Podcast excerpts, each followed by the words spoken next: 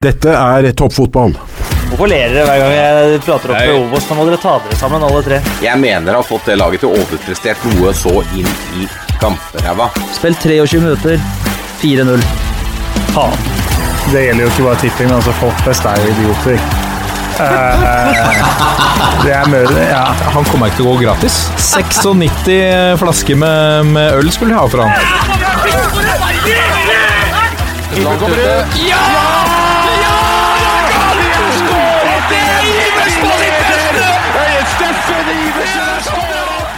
Og der er eh, toppfotball tilbake igjen. Og det var en veldig kort vinter. Nå er sommeren også tilbake. Vi har fått litt deilig sommervær. og Fotballen ruller, og eh, i dag mens vi sitter her, så er det jo deadline day. Det skal vi ikke bruke så mye eh, tid på og krefter på å snakke om. Det blir fort eh, det blir fort eh, gamle nyheter når du hører på denne episoden.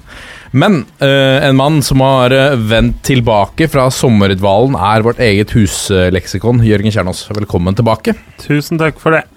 Har du sett noe idrett i sommer? Har du vært på Bømlo og, og sånn som du pleier? Det har jeg vært, vet du. Det har du vært. Veldig skuffa over å ankomme dagen etter at Rubbestadneset spilte Obos-cup. Eh, måtte innse at timinga var stusslig der, men eh, fikk med oss sommerbåten isteden, så da fikk det gå. Da sto du der nede med flagg og Nei, jeg gjorde ikke det, men jeg hadde familiemedlemmer som var ivrige. Men det, i en alder av åtte år så kan man jo skjønne det. Ble intervjua av lokalavisa, spurt om hva som var mest gøy med sommerbåten, og komme på TV. Så det er jo tydeligvis at det, lig- det ligger jo litt i familien, tydeligvis. Skal stikke seg ut der, eller? Absolutt. Er det Kan han gå Nei, kan, kan de gå i dine fotspor, barna dine, med tanke på sånn eh, En sinnssyk uh, autistisk uh, interesse for Ja, kanskje de interesserer seg for breddetennis, da? Eller, uh, eller lignende? Ja, man skal jo aldri si aldri, eh, men det, det er jo litt tungt å slå fast. Men det er nok eh, Det er jo ikke Jeg blir litt overraska, da. Det gjør jeg. Men vi får prøve. Men Obos Cup oppe på Var det Rubbestadneset? Yes. Det er da en lokal uh, Ja, cup oppå der? Obos-cup er jo litt sånn. Eller det er jo litt sånn breddecup som suser og går litt egentlig i ganske mange kretser. Og så er det jo veldig forskjellig hvor mye som legges i det. Men det, det hadde jo vært gøy med en sånn liten Obos-cup-finale, egentlig. da. Vinneren av Obos-cup Rogaland møter vinneren av Obos-cup eh, Vestfold til kvartfinale, og så møter de vinneren av Obos-cup Oslo eller Obos-cup Østfold i semien, liksom. Og så kjørte en liten innercup der, men det, det spørs vel hvor mange som hadde kommet i LSK-hallen og sett den cupen, egentlig. Rått, da. Ja. Vinneren der møter uh vinneren av uh, breddemesterskapet i, i Sverige, f.eks. Liten sånn. Det er litt som Royal League, da.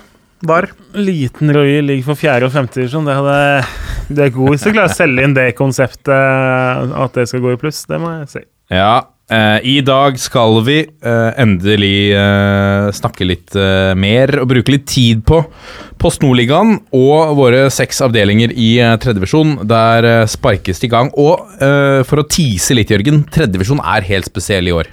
Den er veldig spesiell. Tredjevisjon er jo alltid spesielt, for, men eh, klart i år så er det en snodig sesong hvor eh, små marginer kan gjøre stor forskjell. Ja, I enda større grad enn tidligere. Nå kommer pulsen. Og da er vi kommet til pulsen, og eh, vi begynner pulsen med ja, er, Vi kan jo ta noen av de overgangene som er klare, som man kan gjøre seg noen tanker om. Og så skjer det jo sikkert Nå er klokken eh, halv sju, så skjer sikkert eh, mange overganger etter vi er ferdig å spille inn her. Eh, fram til midnatt. Men eh, Mathias Nordmann eh, fikk endelig løst floka, kan vi si, i, i Russland der. Vi snakket om det litt her forrige episode. Det er kanskje den beste norske spilleren som er mest under radaren. Må det være. Ja, det er nok kanskje en riktig påstand. Fordi vi, De spillerne som spiller i Russland, altså samme litt da Stefan Strandberg gikk dit, vi mister jo litt oversikten over dem.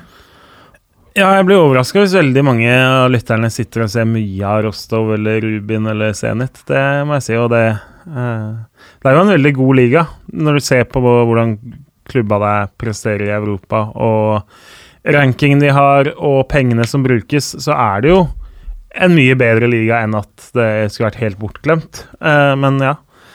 det, det faller utafor folks interessesfære, og det kan man jo skjønne. Så, men rapportene på nordmannen derfra er jo stort sett veldig lovende. Og han har jo vært i søkelyset til større klubber og større liga før, så kan det jo diskuteres om Norwich er en større klubb, men det er jo definitivt en større liga han går til. Uh, og ikke sånn Det er Premier League å få lov til å teste seg der. Det er jo barndomsdrømmen for veldig mange, så selv om det bare er Norwich, og selv om det kan bli en tøff sesong, så er jo det et, fortsatt et steg opp for han, da. Eh, sånn på interesse og på ambisjonsskalaen. Ja, og endelig så får vi kanskje få sett han litt med jevne mellomrom, hva han er faktisk god for. Det han har prestert han, Jeg må jo si han har tatt landslaget med storm på mange måter. Han har kommet inn og virker å være en litt sånn uredd type som ikke er redd for å, å markere seg helt fra start. Han har jo slåss litt holdt på å si, mot motvind ganske tidlig i karrieren. Altså, det er jo ikke så mange år siden Bodø-Glimt hadde sånn moderat tro på han, og han var på lån vel i Alta en hel, hel sesong, blant annet. Og så plutselig da skutt veldig fart opp etter det, da. Og, så nei, han Det er en spiller man har sans for. Og nå, med Sander Berge ute da, i de kommende landskampene, så blir jo nordmann ekstremt viktig for landslaget. Ja. En annen mann som er i troppen, Ruben Gabrielsen, går til FCK. Um, hva tenker du om den eh, overgangen der? Jeg må innrømme at Toulouse så faller utafor uh, klubbene jeg følger tettest. Det skal jeg, men nei, nivå to i Frankrike har det jo vært. Uh, og så Altså, FC København er jo nesten alltid med i Europa. Det er jo en klubb som selv om de nå ikke er suverene i Danmark på noen måte, og er litt sånn som Rosenborg er litt sånn Du har vært veldig suverene, og du ser på deg selv som den største klubben, og egentlig de fleste ser på, kanskje på deg som den største klubben, men så evner du ikke å få budsjett omgjort til seriegull, og så prøver du å snu det. Så det, det å komme dit, det må jo være en spennende oppgave sånn sett. Og altså, Frankrike-Danmark det, det er nærmere hjemme om det har noe å si for han, da. Men det blir en spennende overgang, det òg. Eh, Og litt trøkk. altså Det er jo et steg opp FCK fra Rosenborg.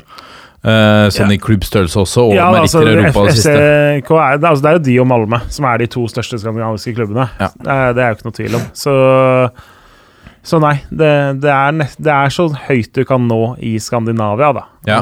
Ja. Og det var jo Det er jo et For Gabrielsens del å få matching da og få liksom opplevelser. Det er, jo, det er jo et trykk der nede. Jeg tror vel det var, var det 30 000 der nå, eh, første kampen med tilskuere eh, etter covid.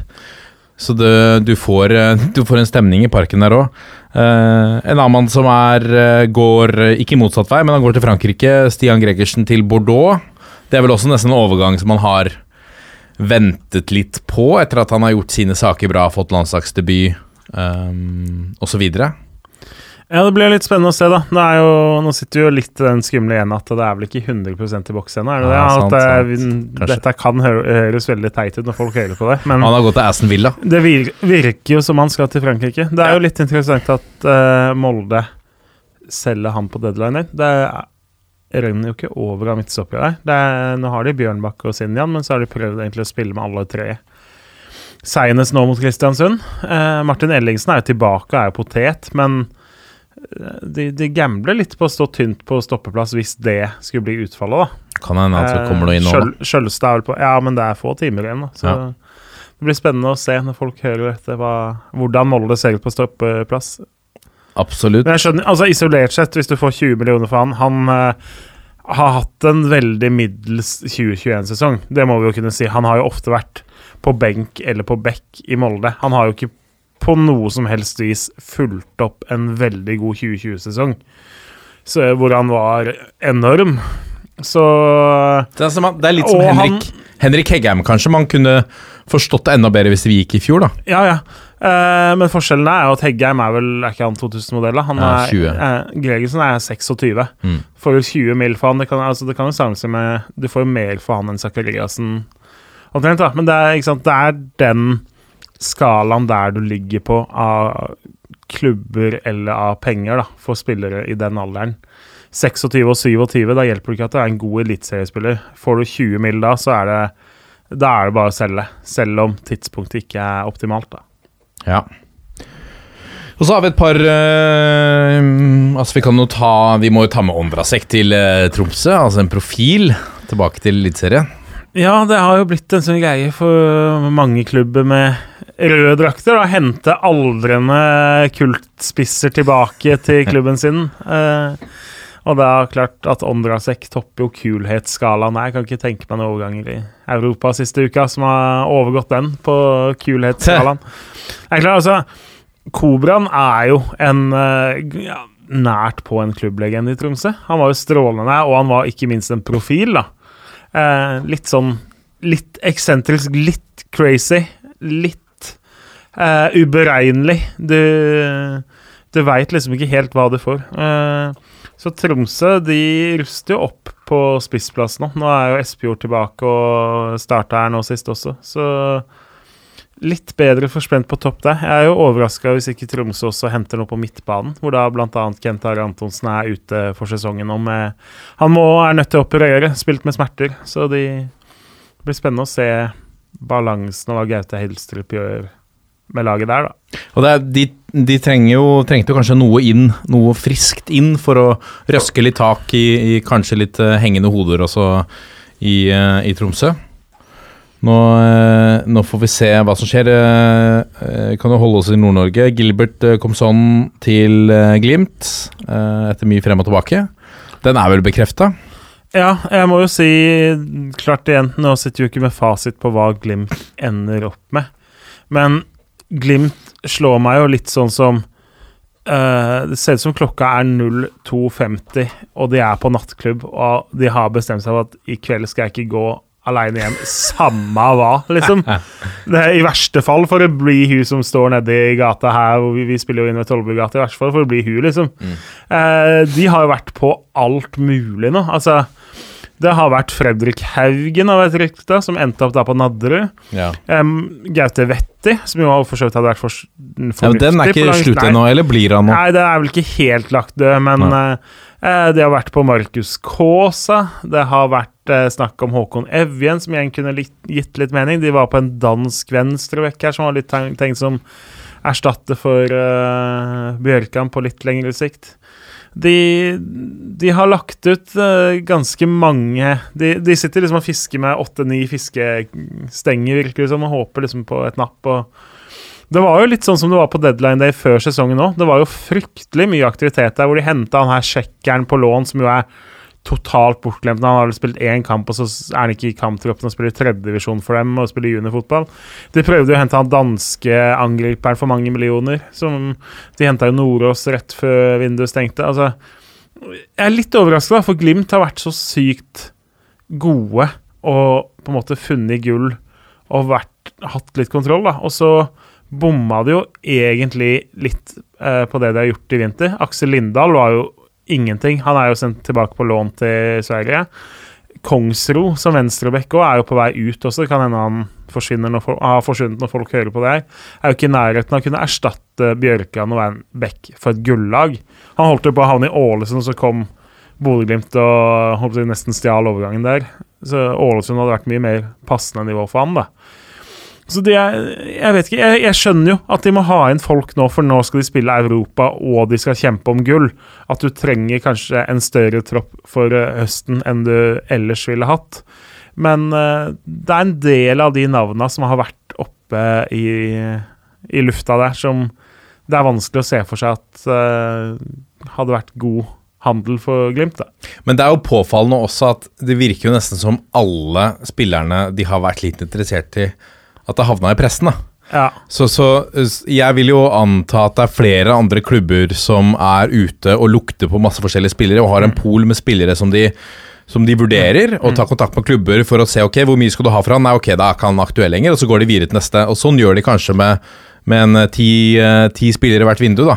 ja, eller 100, eller Ja, ja, hva 200. vet jeg. Ja, altså det, Forskjellen her er at det virker som alt har lekket til pressen. Kan det være, og nå kaster jeg bare ut noe eh, fra mitt eget hode, det kan jo være nå at når folk vet at Glimt har fått mer millioner på bok, og man har sett Glimt-historien så mange ganger ved at de tar spillere som nødvendigvis ikke har prestert så godt et annet sted, og gjør det til gull, at uh, man da lekker en nyhet om at Glimt er interessert i vår spiller.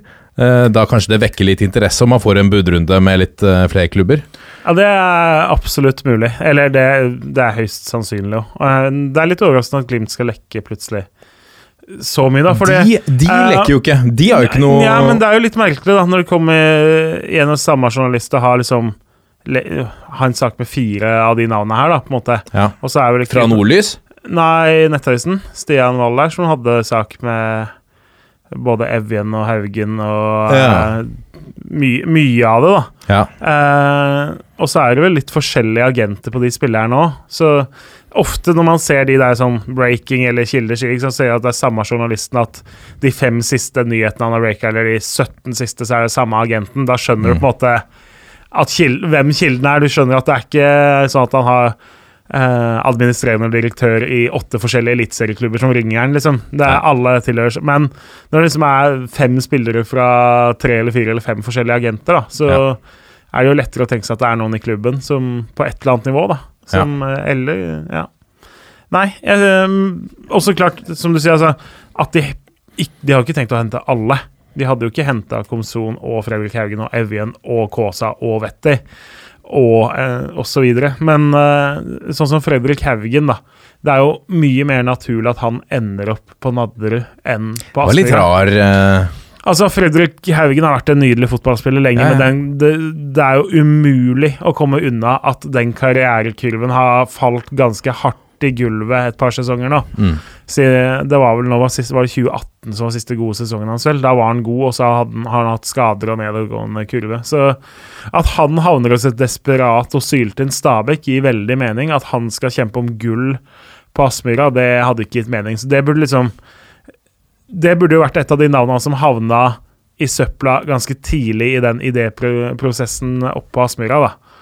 Eh, det, er, det er nesten litt overraskende at de har tatt det et hakk videre, for det det, det gjør ikke noe annet enn at du kan på en måte ha innbyttere på trening, nesten, da, for å si det nesten litt sånn. Altså, han ville jo Han er jo ikke bedre enn Elias Hagen eller Hugo Vetlesen for å komme inn på midtbane der, f.eks. Så det, da. du trenger veldig bredde da. Men så, Eh, kan, så til Fredrik Haugens forsvar, da, så ble han jo brukt på kant også i, i Bergen før han forlot uh, Brann. Ja, det var ikke så mye. da. Det var jo et forsøk. Jeg skjønte jo det forsøket. For da, hadde, da han ble prøvd ut det Det var vel foran 2020-sesongen. Da hadde jo det som på papiret så ut som en OK midtbane, og så var det litt tynnere på kant, så det ut som. Selv om Komson da svarte veldig og hevda, heva seg. Så tanken der var at han skulle være litt sånn vandrende innover mot midten og være litt playmaker og uh, Ja. Men det, er- det er lenge siden han har vært så god som han kan, da. Men kanskje Glimt så muligheten til å vekke han litt til liv. Ja. Men øh, hvis vi holder oss i Bodø øh, Ulrik Saltnes der med en, øh, litt uheldig kommentar i etterkant av eh, slaget om Nord-Norge, hvor han eh, forteller at han scorer og snur seg rundt til fansen til Tromsø og, og rett og slett ber dem å gå og henge seg. Altså, det er eh, Det var et stykke over grensa, men det, det skal han ha for Saltnes. Han var jo lynraskt ute eh, når han fikk roet seg litt til å til å komme med en unnskyldning og si at det blei ble for dumt, rett og slett. Um, så eh, det er bra at det koker, men, eh, men det kan jo være greit å holde seg innafor en del grenser. Det var, altså, det var jo en klønete kommentar. Vi ja. har jo ofte at vi er jo glad i folk som melder, men jeg tror Saltnes umiddelbart selv også skjønte at det her var ikke helt de ordene han burde ha ytret. Eh, så det, Det er jo litt sånn og- absurd å høre på det intervjuet. Ja, eh, også ikke sant, Noe må jo settes på den her kvota for liksom rett etter kamp. Og Ja. vi sitter jo Vi har jo fordelen, vi kan jo sitte og klippe vekk ting. Og, men uh, at det på en måte er litt slipp av detang. Og så Han har jo lagt seg så flat som det går an. Han beklager og sier at det her burde han ikke sagt, det var idiotisk. og det Du kan ikke legge deg så veldig mye flatere. Og sånn som jeg kjenner til han, da, så er jo Ulrik Saltnes oppriktig talt en veldig fin fyr Ja. eh, som klarte å si noe veldig dumt.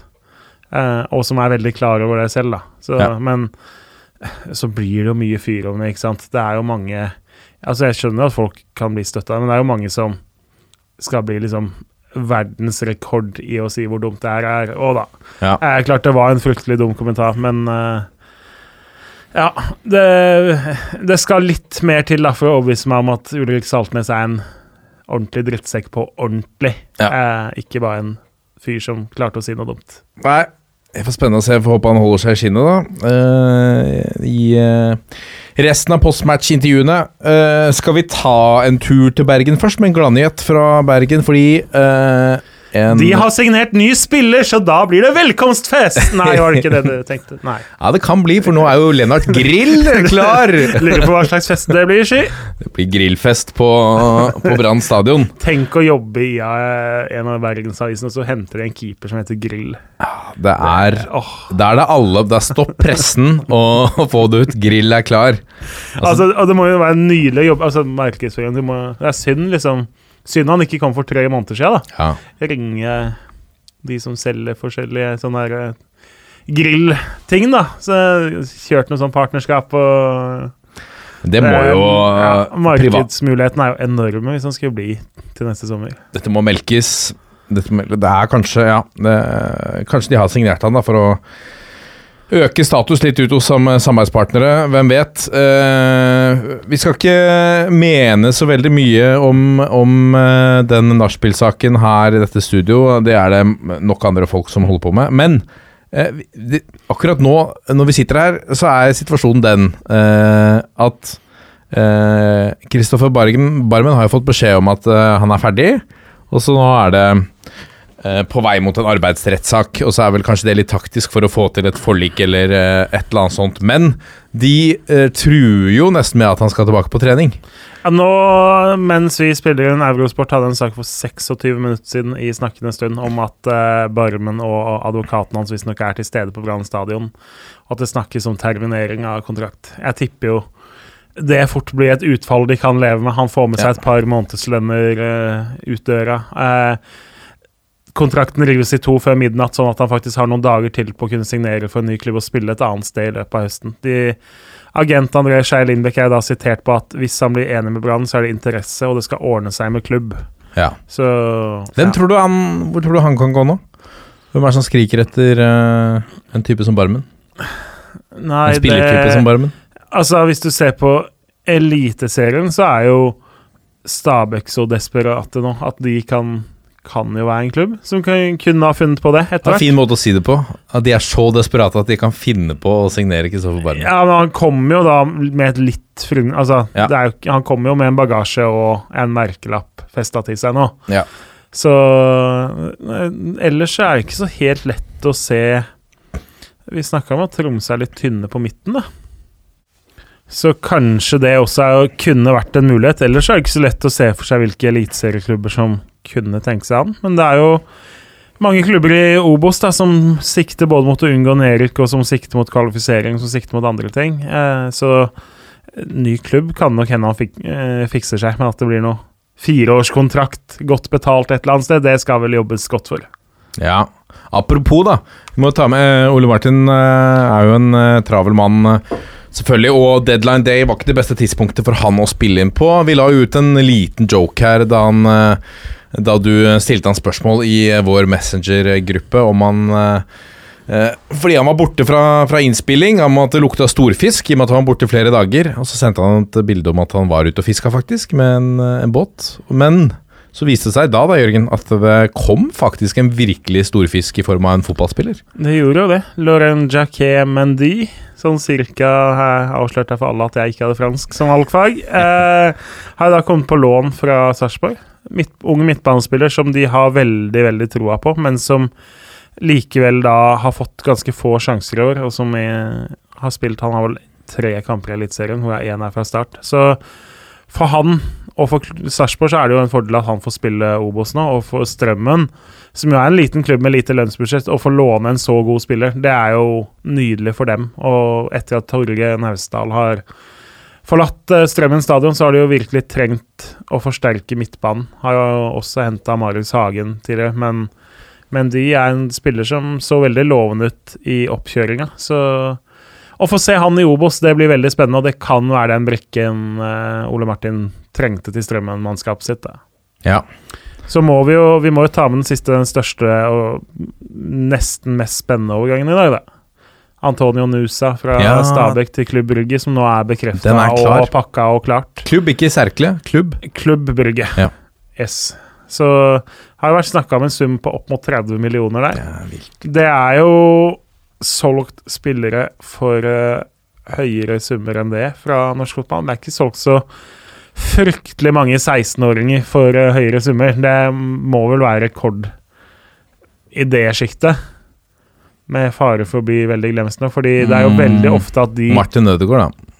Jo, da. 50. ja, sant. Ja, eller hvor mye det ble til slutt. Men uh, ellers så er jo faktisk Det er jo ofte at de spillerne som er veldig gode i den alderen, de havner jo Ser jo sånn Elias Solberg går til Juventus, skal spille der. Vi har spillere som går til United og Chelsea og Citys ungdomsakademier osv. Spillere som Schjelderup gikk jo til dansk fotball. Men øh, å få så gode penger da for en 16-åring, det er jo imponerende, selv om han har sett veldig, veldig, veldig lovende ut. Ja. Så ja. Det, det er jo litt synd at vi mister den, men altså, Stabæk er jo en selgende klubb. Stabæk vil jo alltid ha det fundamentet med at de får opp egne unge talenter. Nå er han riktignok henta fra Langhus, har ikke vært så lenge på Nadderud, men likevel. Å hente en ungdomsskoleelev fra Langhus og så selge han eh, et par uker etter at han starta på videregående, det må uansett kalles imponerende av Stabæk og det han, de har gjort med han den tida han har vært der. Så Ja, og gitt han tillit og gitt han muligheten. Og, og altså Det er jo ikke gitt at man blomstrer og klarer å få en 16-åring da til å levere på A-lagsnivå.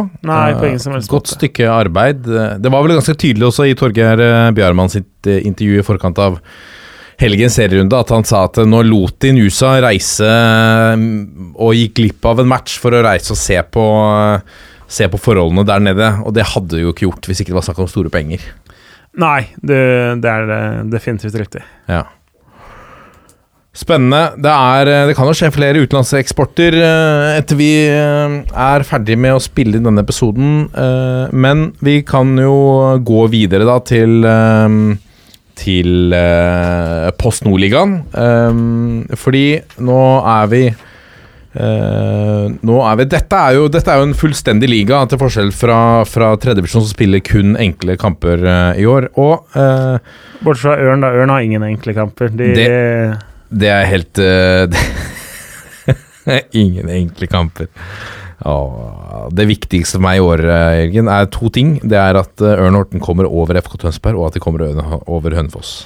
det blir gøy. Vi skal jo vi skal fortsatt på kamp 3. oktober på Aka Arena. Vi skal det, sant? Ja. Absolutt. Men ja, det er for det er bare på Aka Arena, ja. Yes. Viktig.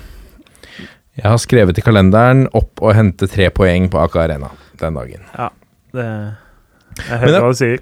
Men vi kan jo begynne, vi, oss, vi skal til eh, Norsk Tippingligaen avdeling 2 senere, men nå begynner vi med eh, PostNord. Og der er det, hvis vi tar for oss avdeling 1 først De tre øverste er eh, Kongsvinger, Hødd og Alt, uh, Alta.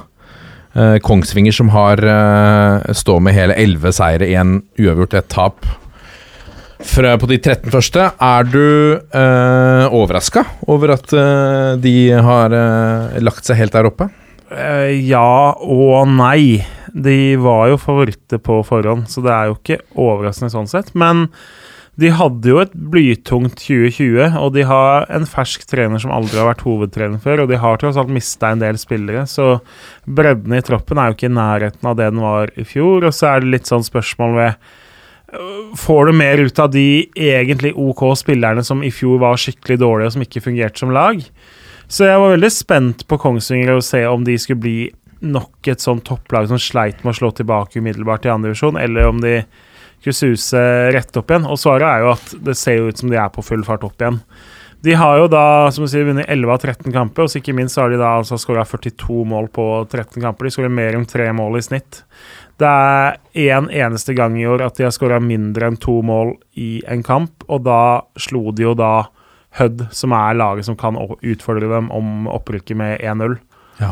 Så øh, de pøser jo inn mål. Adam Gyven ser jo ut som han er 25 igjen og er toppskårer med 12 mål i avdelinga. De har tre andre gode spisser som også kan ha, få spilletid ved siden av han. De har fått øh, et par av de på midten til å begynne å se ut som de spillerne no, noen av oss trodde de skulle være i Obos i fjor. Og Harald Holte er solid.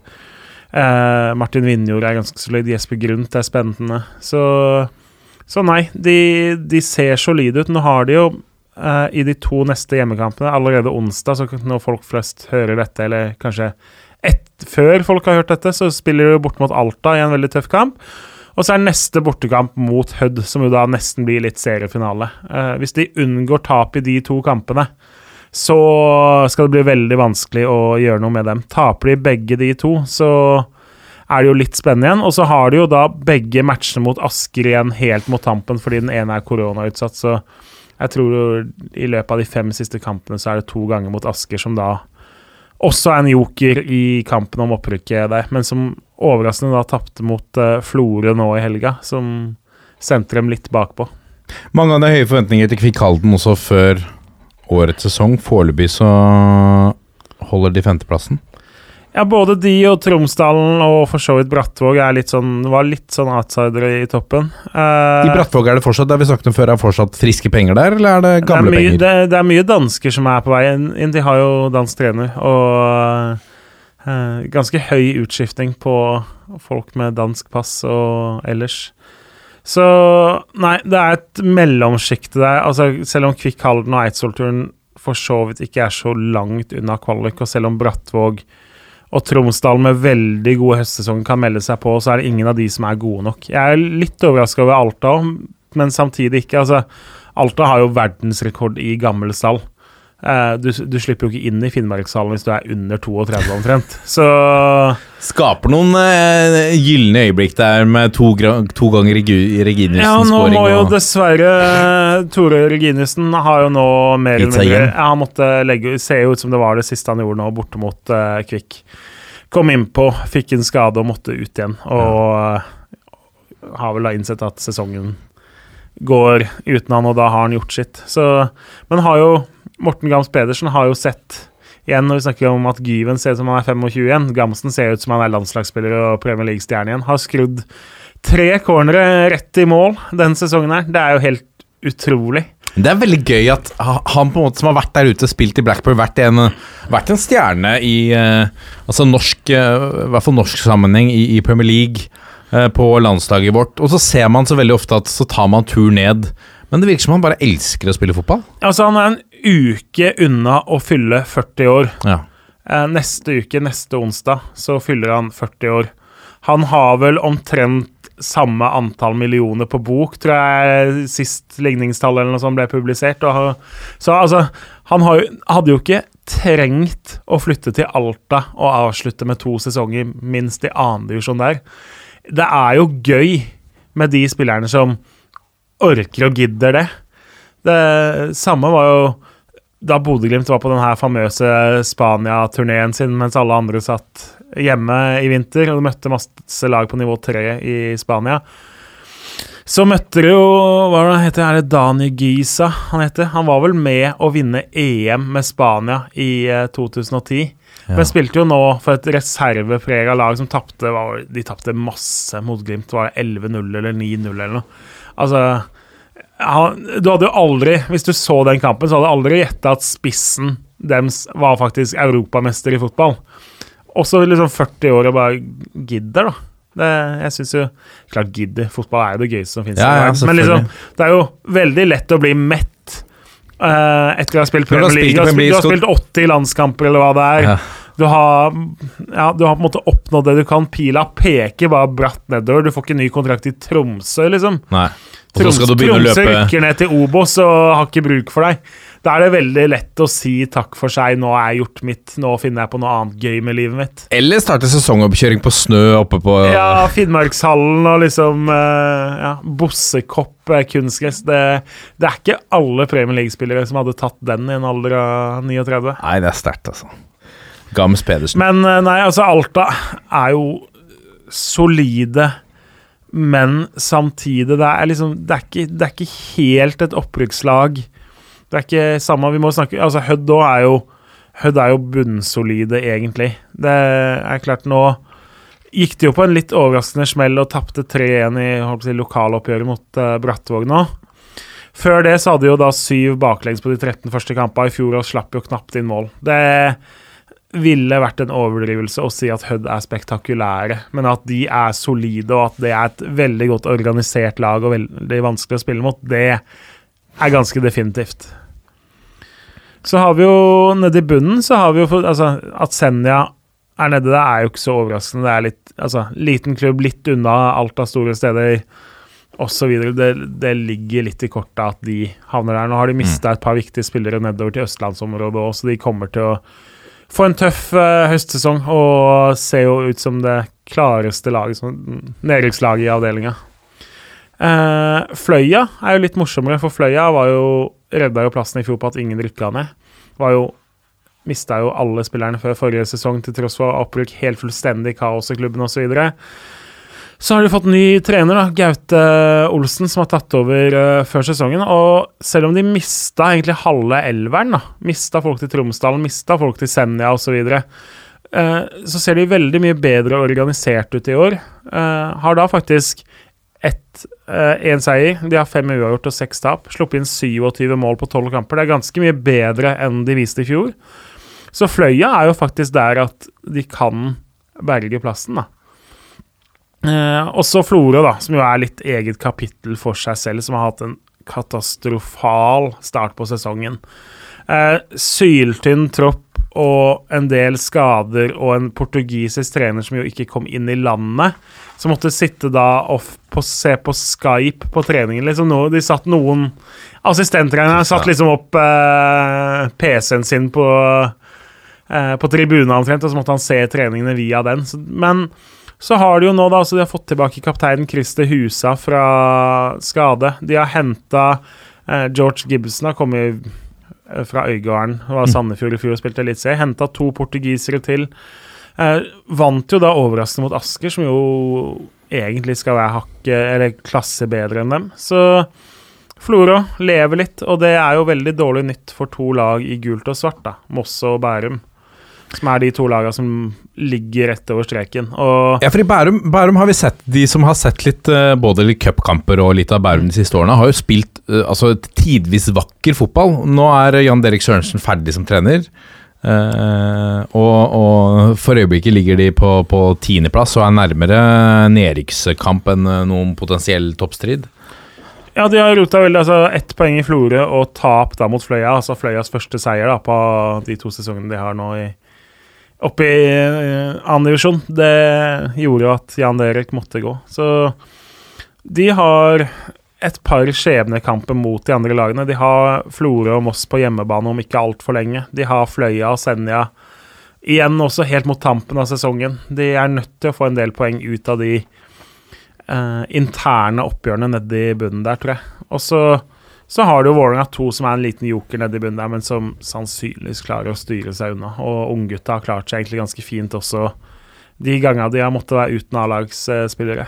Men der må vi jo trekke frem, selv om det ikke er en andredivisjonsspiller altså Odin Tiago Holm mot Senja. Det er bare for de som liker fotball. Så jeg har sett på Vålerenga 2 Senja i opptak. Det, det Odin Tiago Holm gjorde der, det så ut som du satt holdt på å si, en 19-åring til å spille med femåringene. For det Han han. Han lekte seg. Han, det er jo noe av det mest dominante jeg har sett av en norsk spiller i en norsk eh, fotballkamp, eh, egentlig. Det, det, var det er ikke hans nivå å rote rundt nedi der, egentlig. Tenk han er juniorspiller fortsatt. Ja. Det er ganske vanvittig. Man skjønner jo litt av hva folk snakker om. eh, Det er vel det største talentet Fagermo har sett, ifølge han selv. Um, men uh, så har vi jo snakket litt med, med folk som kjenner uh, uh, Moss fotballklubb, blant annet. Det er jo Ole Martins tidligere klubb, men vi har snakket med litt andre som, som, som følger med litt tett på der nå, og de er bekymra over retninga til, til kråkene der. Nå går det Når de ligger de godt planta på nedre, nedre halvdel, på 11.-plass, eh, med 10 poeng på 14 matcher. Det er ikke langt ned der til, til det potensielt kan bli en tredjedivisjon, og det snakkes om eh, litt sånn rasling i organisasjonen. Det er litt folk som har gitt seg. Eh, det hentes inn mye eksterne eh, sp Altså spillere som ikke er fra området, lokale, og så byttes det ut eh, da lokale spillere som, som eh, som blir sendt på dør. I, i det hele tatt, det virker som det, det ulmer litt i, eh, i, gamle, i det gamle storlaget fra Meløs. Ja, og det, jeg har sett et par av kampene deres nå i det siste. Eh, de fikk jo juling på Gjemselund nå, men var ti mann i store deler av kampen mot Kongsvinger. Men så hjemmekampene mot Kongsvinger for et par uker siden, hvor de tapte 0-4, og det så helt forferdelig ut, egentlig. Eh, Det så ut som en gjeng som hadde spilt veldig lite sammen, og det stemmer jo til dels. For det er som du sier, det er lånespillere inn, det er spillere som havner ut, det er spillere som kommer litt, og så forsvinner en. Eh, har vært veldig mange utskiftninger i troppen her. Nå har de jo Det siste de har gjort nå, er jo egentlig to veldig gode signeringer. De har henta Mathias Eriksen Ranmark på lån til å stå i mål, som jo har spilt mye på nivå 1 og 2 de siste sesongene. De hadde jo henta jo Daniel Rojas før sesongen, som jo tidligere har vært en veldig veldig god keeper på dette nivået, men som jo eh, har vært skada før han kom til Moss, og som dermed ikke spilte noe i hele fjor. Og som jo har mista det, rett og slett, som keeper. Altså, han mangler den derre keeperformen, keeperfeelinga igjen. Han gjør mye rart å se utrygg ut. Så de bomma jo der, og ellers så er det litt blanding av helbom og delvis bom på mye av det. Og så har de henta eh, Noah Aleksandersson på lån fra IFK Göteborg. Eh, sønnen til Niklas Alexander, Det er. Ja da. Som jo er både tidligere landslagsspiller for Sverige og championship manager-legende, ikke minst. ja. Var, eh, det var, var det 97-98 eller et eller annet hvor han var helt sinnssyk. Og var- det ikke? Ja, da var han sånn Jeg tror han kunne spille på alle plassene. Ja. At det var omtrent liksom forsvar, midtbane, angrep, høyre, venstre, midten, liksom. Eh, Og han var god. Og billig. Så Men eh, også god i virkeligheten. Og klart, altså Noah, sønnen, har jo da spilt allsvenskan for uh, IFK Göteborg, vel, i ganske ung alder. Så to gode signeringer de da har gjort for høstsesongen, som de håper skal være med på å berge dem litt. Og Walid Idrissi, da, som de kjøpte av Ole Martin etter en halv sesong hvor han ikke spilte altfor mye i, uh, i Obos-ligaen. Ja. Det blir spennende å se om de får snu det der. Ja, nå har de vel Nå har de Brattvåg eh, holdt på å si onsdag, men, og så er det vel Fløya hjemme til helgen. Det, den er viktig for dem. Taper de den, da er det jo virkelig begge beina ned i deep shit. Ja, og Fløya har jo to kamper mindre spilt per dags dato. Ja. Så de er jo eh, De kan jo fort stå med begge beina planta her nede. Um, skal vi hoppe videre til avdeling to? Ja.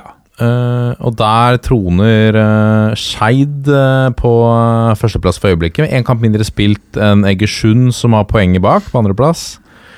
Overraska over, uh, over ståa. Ja og nei. Det er jo en voldsomt jevn avdeling. Fra Skeid og ned til Øygarden på sjetteplass så skiller det fem poeng. Skeid har jo da som du sier ett poeng mindre enn alle andre. Ikke overraska over at Skeid, Egersund og Arendal er topp tre. Det er jo litt samme som jeg tippa topp tre, bare i litt annen rekkefølge, men mye kan skje på slutten her. Uh, Levanger på fjerde òg er jo jeg, må, jeg elsker Levanger 2021. Det vi- Skulle jeg funnet meg et nytt favorittlag i norsk fotball så, og liksom bare kun beholdt dem for en sesong, så tror jeg kanskje årets Levanger-mannskap hadde vært mitt eh, lag. Fordi Jeg, Jeg har sett ganske mange av kampene deres nå, fordi det er egentlig målgaranti. De har jo da På 14 kamper så har de skåra 40 mål. Det er ingen andre i denne avdelinga som har mer enn 28, men de har også sluppet inn 25, som da altså bare er tre lag som har sluppet inn mer enn dem. Det er vakkert. Det Eh, er så- happy go lucky. altså, 65 mål på 14 matcher. De spiller en litt artig 3-5-2. De har to wingbacker som er veldig glad i å være med høyt opp. De har mange spisser som kan gjøre det bra. Eh, både Andreas Gundersen og også eh, han her Vlasic, som de har henta fra fjerdedivisjon, er spennende. Men så har de da Arne Gunnes, som de da har henta, som er akkurat per nå i hvert fall min favorittspiller i eh, norsk andredivisjon. Han har skåra 13 mål den sesongen her. Jeg la jo ut den ene eh, stjal jeg litt fra Direktsport og måtte legge ut på Twitter som en tweet, fordi han bare leker seg med liksom skuddfinter og bare chipper inn ballen elegant i mål. Han er jo en spiller som mange klubber i Obos nok har lukta litt på, sånn, så er han håper jeg Han er verken kjempesterk eller kjemperask eller kjempeteknisk, men han har liksom Han har ganske mye av alt, og så ser det ut som han spiller med en helt enorm selvtillit for tida, da. Og ser ut som fotball Han trappa jo ned etter å ha spilt i Nardo og Byåsen, så gikk han tilbake til Rennebu og spilte Var det femtedivisjon eller hva han spilte med dem, og så ut som han var ferdig liksom med toppfotball. Eh, og så Ikke med podden toppfotball, får vi håpe, da. Det, Absolutt ikke. Nei. Eh, og så kom tilbake til Nardo i fjor og gjorde det egentlig bra der. Og så henta av hakket mer ambisiøse og hakket mer pengesterke Levanger da før denne sesongen, og har bare sett helt fantastisk ut. Så Så nei, Levanger er en liten joker oppe i toppen her. Klart de er ekstremt ustabile, da, men eh, veldig lett å la seg sjarmere av. Så jeg var veldig glad nå på fredag, eksempel, så spilte jo da De spilte jo fredagskamp mot Rosenborg 2. Det var nydelig fredagsunderholdning, det. Så liksom blant alle disse unggutta så har du Jo Sondre Aas, som føles ut som har vært med i 100 år, da. Og så har du Vegard Wold med, som har vært med i 100 år, Ja. holdt på å si. Det, liksom, du har et par av de kjente navnene som alltid er med der, i tillegg til en del spennende unge og halvunge spillere. Så, så nei, det er rett og slett et veldig morsomt lag i, i år. Per Werner Rønning har skapt noe Skulle ikke tro liksom at Per Werner Rønning sto som trener for det mest angreps liksom, laget i norsk fotball i øyeblikket. Gamle ikke- stopperen. Gamle stopperen. Han, han slår deg jo ikke som uh, gung-ho-fotballens liksom, fader. Sånn, den gamle taktikken på FM som var å kaste alle mann i angrep. Uh, men nei, de, de, de er rett og slett morsomme. Morsomt. Uh, Odd 2 overrasker meg litt. Helt oppe på femteplass, selvfølgelig varierende, men eh, eh, basert på mannskap osv. Men de, de, de ligger ganske høyt, da. Det skal godt gjøres. Også sammenlignet med Rosenborg 2, som er helt i, i bunn her. Eh, Rosenborg 2 er Det burde man nesten sett litt uh, uh, komme, fordi uh, Mista de jo Eh, Gjermund Aasen, så Ja, men det er nettopp det. Gjermund Aasen var, var et tungt tap for dem. Eh, han hadde jo, var jo planlagt en viktig rolle på Rosenborg 2 eh, den sesongen. Nei, de mista De hadde i fjor en generasjon med ganske mange sisteårsjuniorer eller litt overårige sånn, som egentlig har tatt turen videre nå. Så det er veldig mye 2003- og 2004-modeller og sånn, mens Odd har de som er ett og to år eldre. Og det, det er ganske stor betydning om du har en gjeng 20-åringer eller en gjeng 17-åringer som spiller der. Selv om de har jo et par spennende spillere, men Odd har jo klart å skape den gjengen. Altså, de har sånn som Eirik eh, Gaji og Bjørn Mæland, som er begge har U-landskamper og kunne helt sikkert spilt, eh, spilt høyere opp. Thomas Halstensen har de, som er samme U-landskamper. Kunne spilt for klubber på nivå over. Dennis Gjengård, som de har henta fra Odd, jo, nei, fra Ørn, er jo U-landslagsspiller. 2004-modell Syver Aas er jo en av de mest spennende i en veldig, veldig veldig spennende 2004-årgang i Norge. Eh, det er en del spillere som har fått et skikkelig gjennombrudd derfra. Syver Aas er den, den neste derfra, potensielt, for han er, ser ekstremt spennende ut. Så, så Odd har klart liksom å skrape sangen, men da en fem-seks gode spillere i slutten av tenåret som spiller fast andredivisjon. Og så når du da supplerer med tre-fire mann fra Asdalen så så ofte du kan, så blir det bra. Men at så bra, det, det er litt overraskende. ja. Ellers så er det jo ja, Skeid oppe i toppen der òg er jo eh, Kan aldri være De fryktelig rullering. De har jo en ganske brei tropp. Har bytta veldig mye på laget gjennom sesongen. Har mye jevne spillere i ganske mange posisjoner på banen. Så er jo det litt sånn eh, Man skjønner jo det når du spiller søndag, onsdag, søndag osv., at det må gjøres litt. Men eh, det har ikke vært helt lett å bli klok på på en måte hvem spiller hvor, hvem skal stå fram for dem. Annet enn at man vet jo at Jonny Budusson er jo på det nivået her en klassespiss av fryktelig høyt nivå. Står med 13 mål den sesongen her. Han, eh, altså, han har et helt vanvittig målsnitt i andredivisjon. Uh, I tillegg så ser det jo faktisk ut litt overraskende at de får beholde kaptein Fredrik Bergli, som var bunnsolid i fjor. Litt sånn samme som vi snakka om da Heggheim og Stian Gregersen, at 2020 var han enda bedre enn 2021, men fortsatt overraskende at ikke Bergli har endt opp i uh, Obos-ligaen ennå. Kommer ja, Jeg blir sjokkert hvis han ikke spiller minst Obos-liga neste år, da, uansett hva som skjer med Skeid eller ikke. Det har vel vært litt interesse der. Ja. Ellers så har du jo Egersund, som jo alltid satser tøft, og som alltid er med i toppen, men som har veldig med utskiftninger. Eh, masse spillere som har forsvunnet og henta inn en del også i løpet av sommeren. da. Fikk jo Marcel eh, Vavrsynkievic fikk sin er vel andre korsbåndskaden han har. Han var ute hele forrige sesong med korsbåndskade. Nå tok han korsbåndet for en måneds tid siden igjen. Ja. Andreas Petterson er solid på midten, også skada utfor sesongen. Og så har de da eh, sendt Jefferson de Saas har gått tilbake til Brodd. Stian Sleveland hadde, har krangla med treneren og masse saker i lokalavisa, så han Går liksom fra 150 kamper for klubben til å gå til Brodd i tredjedivisjon isteden.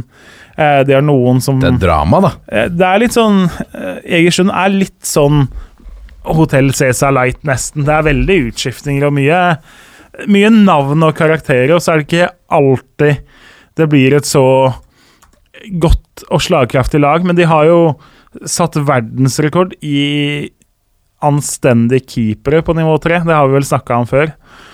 Fordi eh, de har jo da Miguel Vieira, som jo kom fra Mjøndalen, vært i Ørn Horten da, dit han kom for kjærleiken i første omgang. Har stått alle matcha for dem.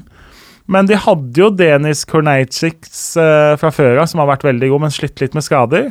Eh, David Paulmin henta de fra Kvikkhallen, som var min favorittkeeper lenge, men som nå er ut. Og så har de henta en ny keeper da fra de baltiske land eh, nå for å bøte på det. Så det er liksom stilt solide. Og så henter de jo da eh, De har jo penger og har jo vilje og har jo ambisjoner. Så de, Anas Farah Ali på lån fra Fredrikstad henter Ådne Midtskogen fra De henter Lars Erik Sødal fra Viking nå i løpet av sommeren, som jo kunne og kanskje burde spilt på nivå over igjen. Eh, veldig solid midtbanespiller. Men en tynn tropp, da. De er mer utsatt nå enn de nok helst vil være. Samme Arendal starta veldig, veldig veldig solid. Slo jo også ut eh, Sandefjord av cupen. Eh, med en veldig solid forestilling der, selv om de hadde jo De hadde litt flaks med at eh, Det skiller litt mellom første og annen keeper i Sandefjord fortsatt, må være lov å si. Eh, hilsen de av som hadde penger for, på Sandefjord i den kampen.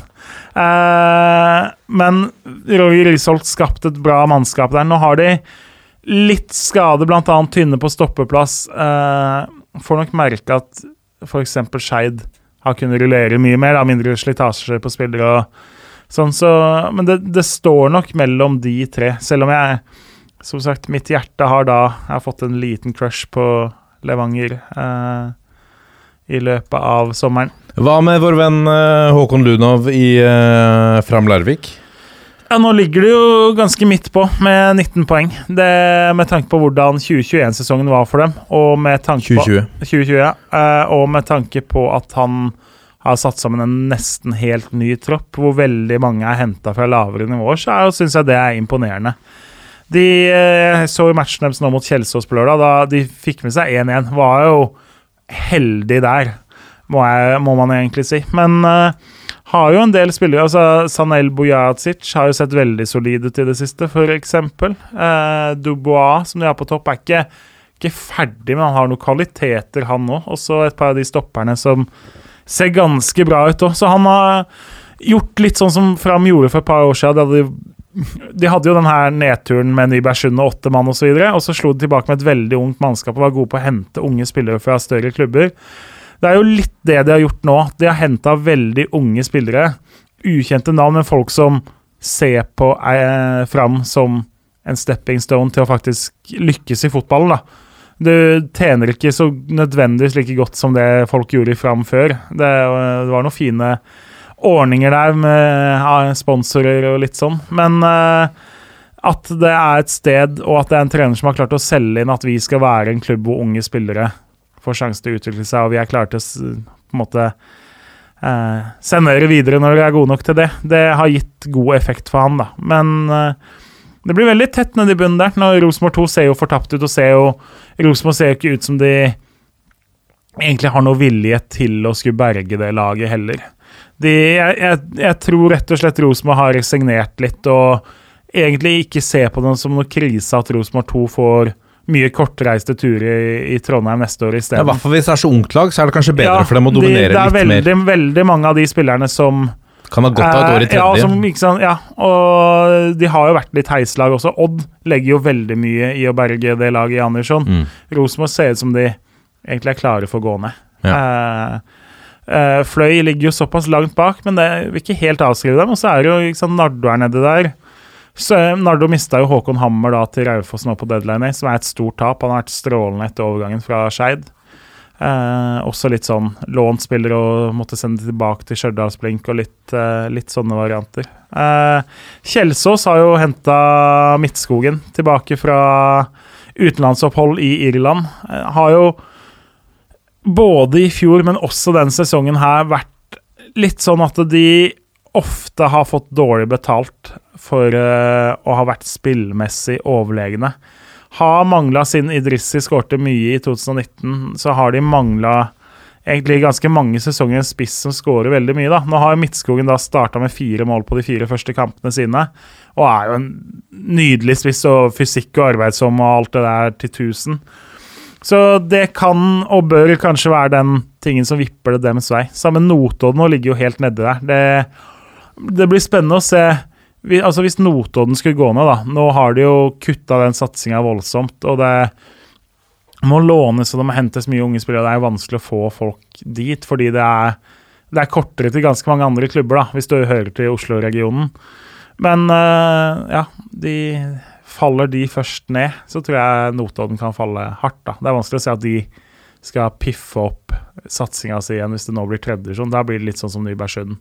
Ja. At det, det, det, blir borte fra det kartet ganske lenge. Og så har du jo da Renate Blindheim sitt eh, Sotra, som også ligger på 17 poeng. Eh, har en, egentlig også en veldig tynn stall og har mista mange av de spillerne de starta sesongen med, ikke henta så mange inn i løpet av sommeren måtte hente opp unge spillere, og ofte liksom dratt på borteturer nå med tre innbyttere og litt sånne ting. Så det er, det er nesten Og klart, i fjor så betydde det jo ikke så mye. Så det er nesten enda større prestasjon av Blindheim hvis hun berger plassen med årets Sotra, enn det var å komme til playoff med fjorårets Sotra. Nesten. For det Ja. Det, det, er, det er mye uprøvd på det nivået her, og mange spillere som kanskje ikke hører til på det nivået her heller, som hun da har fått uh, brukbart uttelling med til tross for det, da. Nå Ja, det blir, det blir spennende å se ned i bunnen der. Det kommer til å bli tett og jevnt hele veien inn. Dette er toppfotball. La oss gå videre til uh, tredjevisjon. Vi begynner med avdeling én, hvor uh, Og dette er, dette er, jo en veldig interessant uh, Altså tredjevisjon generelt nå, Jørgen. Vi var inne på det i starten av episoden. Med halv, uh, med halv serie her, altså enkel serie, så er det Hva blir det? 13 matcher å gjøre det på. Yes. og så er det kvalik på andreplassen. Nei. Nei, det er kun direkte opprykk. Yes. Yes.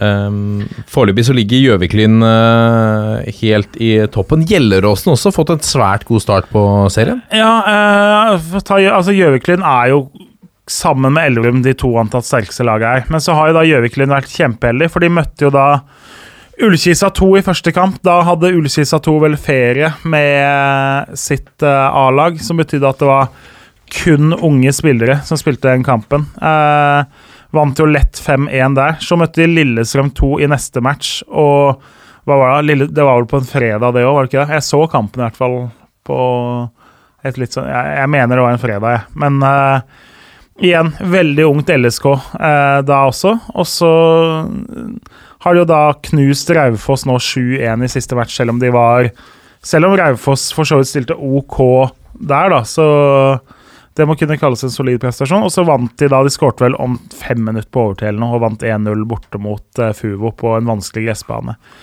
Så Gjøviklund har vært heldig med de andre lagene. og klart I den avdelinga her så er det fem andre lag. Det gjelder å ha litt flyt. Spesielt Lillestrøm 2 har jo muligheten til å stille veldig sterkt i en del kamper. De, eh, altså, spillere som Tobias Svendsen og Jonathan Brunes, Braut Brunes går jo ikke på den alderskvoten engang, så de kan jo stille de og tre rutinerte spillere samtidig.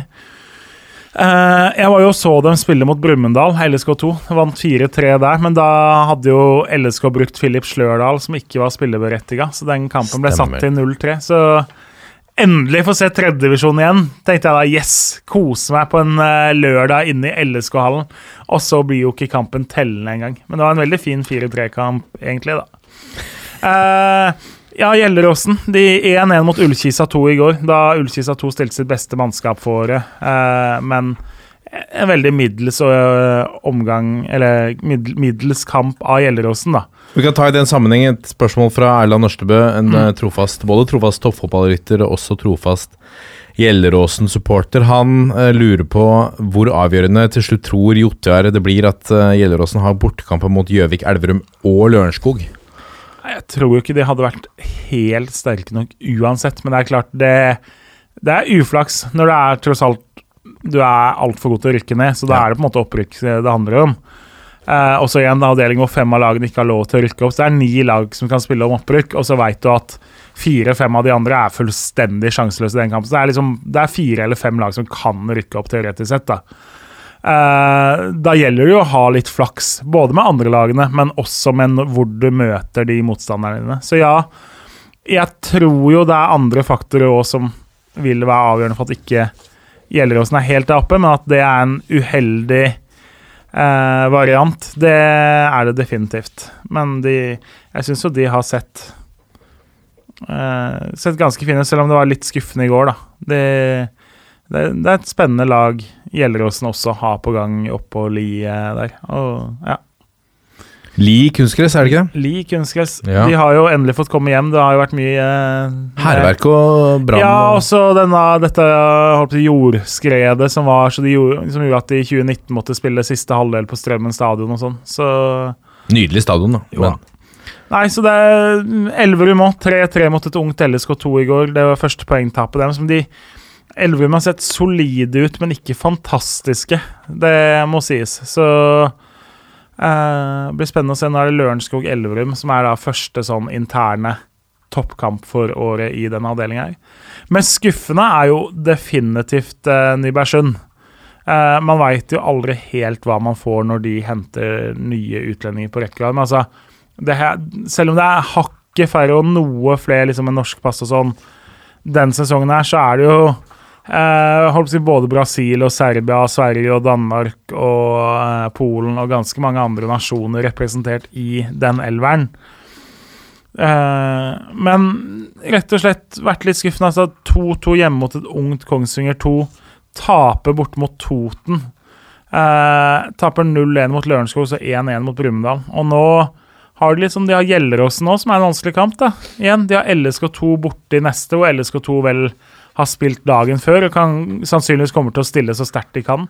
Eh, må ikke regne med at si, Tobias Svendsen og Brunes og Slørdal og Bakai og hele den gjengen der kommer til å spille, og så kanskje du liksom får se Eh, altså Du får Eskil Ed og du får hele den gjengen der, så det, LSK kommer til å være storfavoritt til den kampen, høyst sannsynlig. Og da begynner det, og så kommer liksom de Stoner og Fuvo i de to neste, som er to lag de fort må ha bak seg da, på tabellen hvis de skal unngå nedrykk. Stovner litt gamle Oslo City, er det ikke? Nei, så, sammenslåing av Vestli og Rommen. Det er det selvfølgelig. Yes.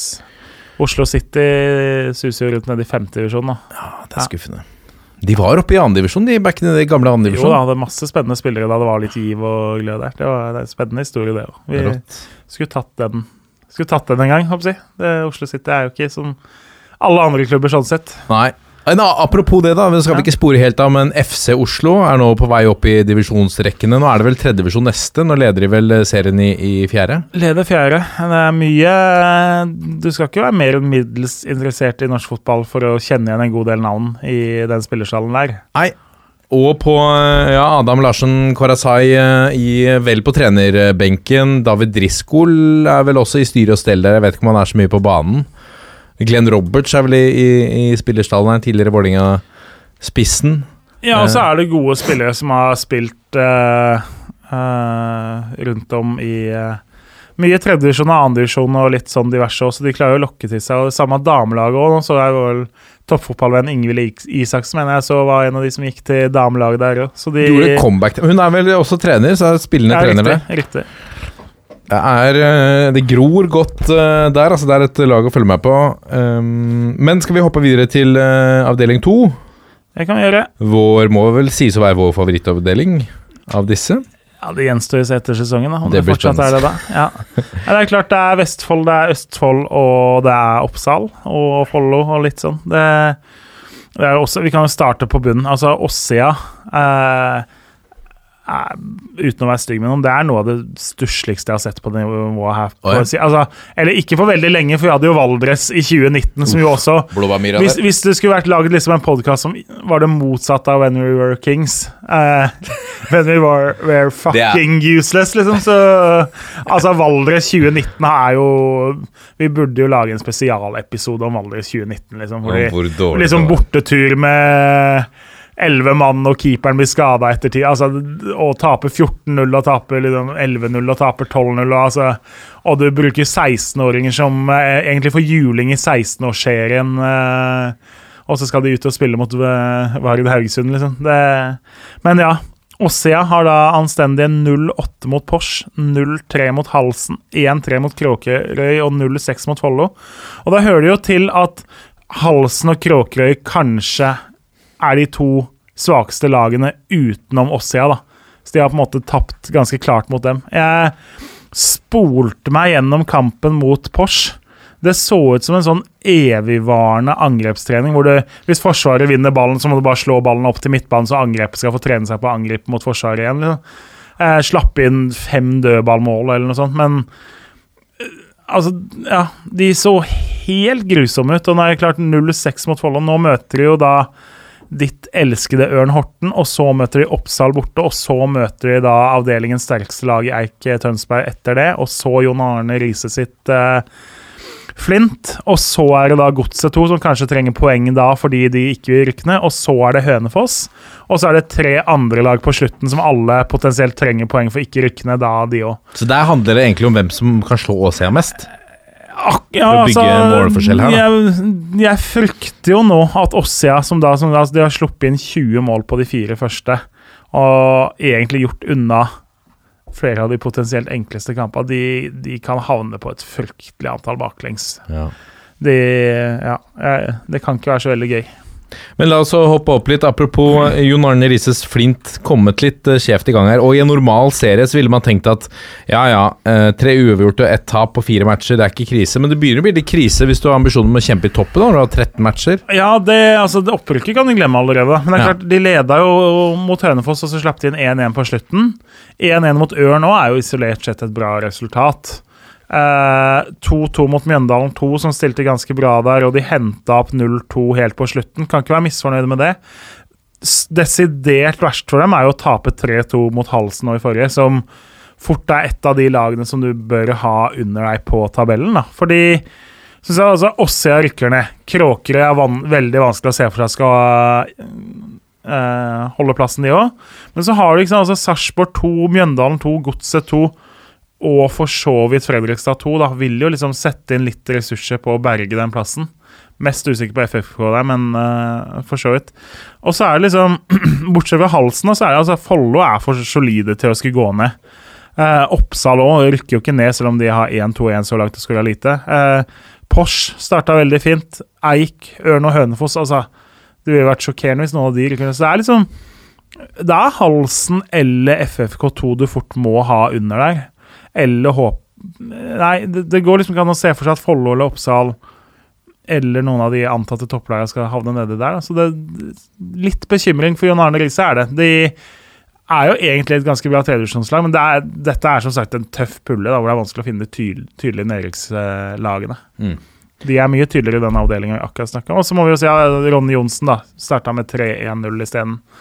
Jeg spådde jo Eik på topp i en veldig jevn avdeling. Eh, foreløpig så har de jo levert OK, men de òg har jo da møtt Halsen og Kråkerøy og uavgjort mot Porsche og slått Follo. Så nå De har på en måte igjen både Ørn og Hønefoss, og de har igjen Oppsal og litt sånn, de òg, da.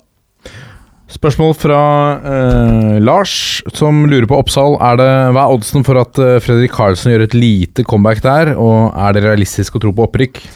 Opprykksdrømmen begynner vel å Jeg har jo faktisk spilt mot Fredrik Karlsen eh, på jeg. Ja, Eh. Back in the days. Han Yes. var guttespiller. Ja, for han er 86, er han ikke? Nei, han er 89. Jeg Ja. spil, spilte med broren hans, det er 86 han har spilt med. Men uh, lillebror er 89-modell, men var med som guttespiller og herja mot oss litt for svake juniorer. Men uh, i avskjedsbrevet til Fredrik Karlsen så skrev han Han er vel godt bosatt med barn og samboer eller kone eller hva det er, opp, som er fra Ålesund og på en måte bygge hus der og sånn.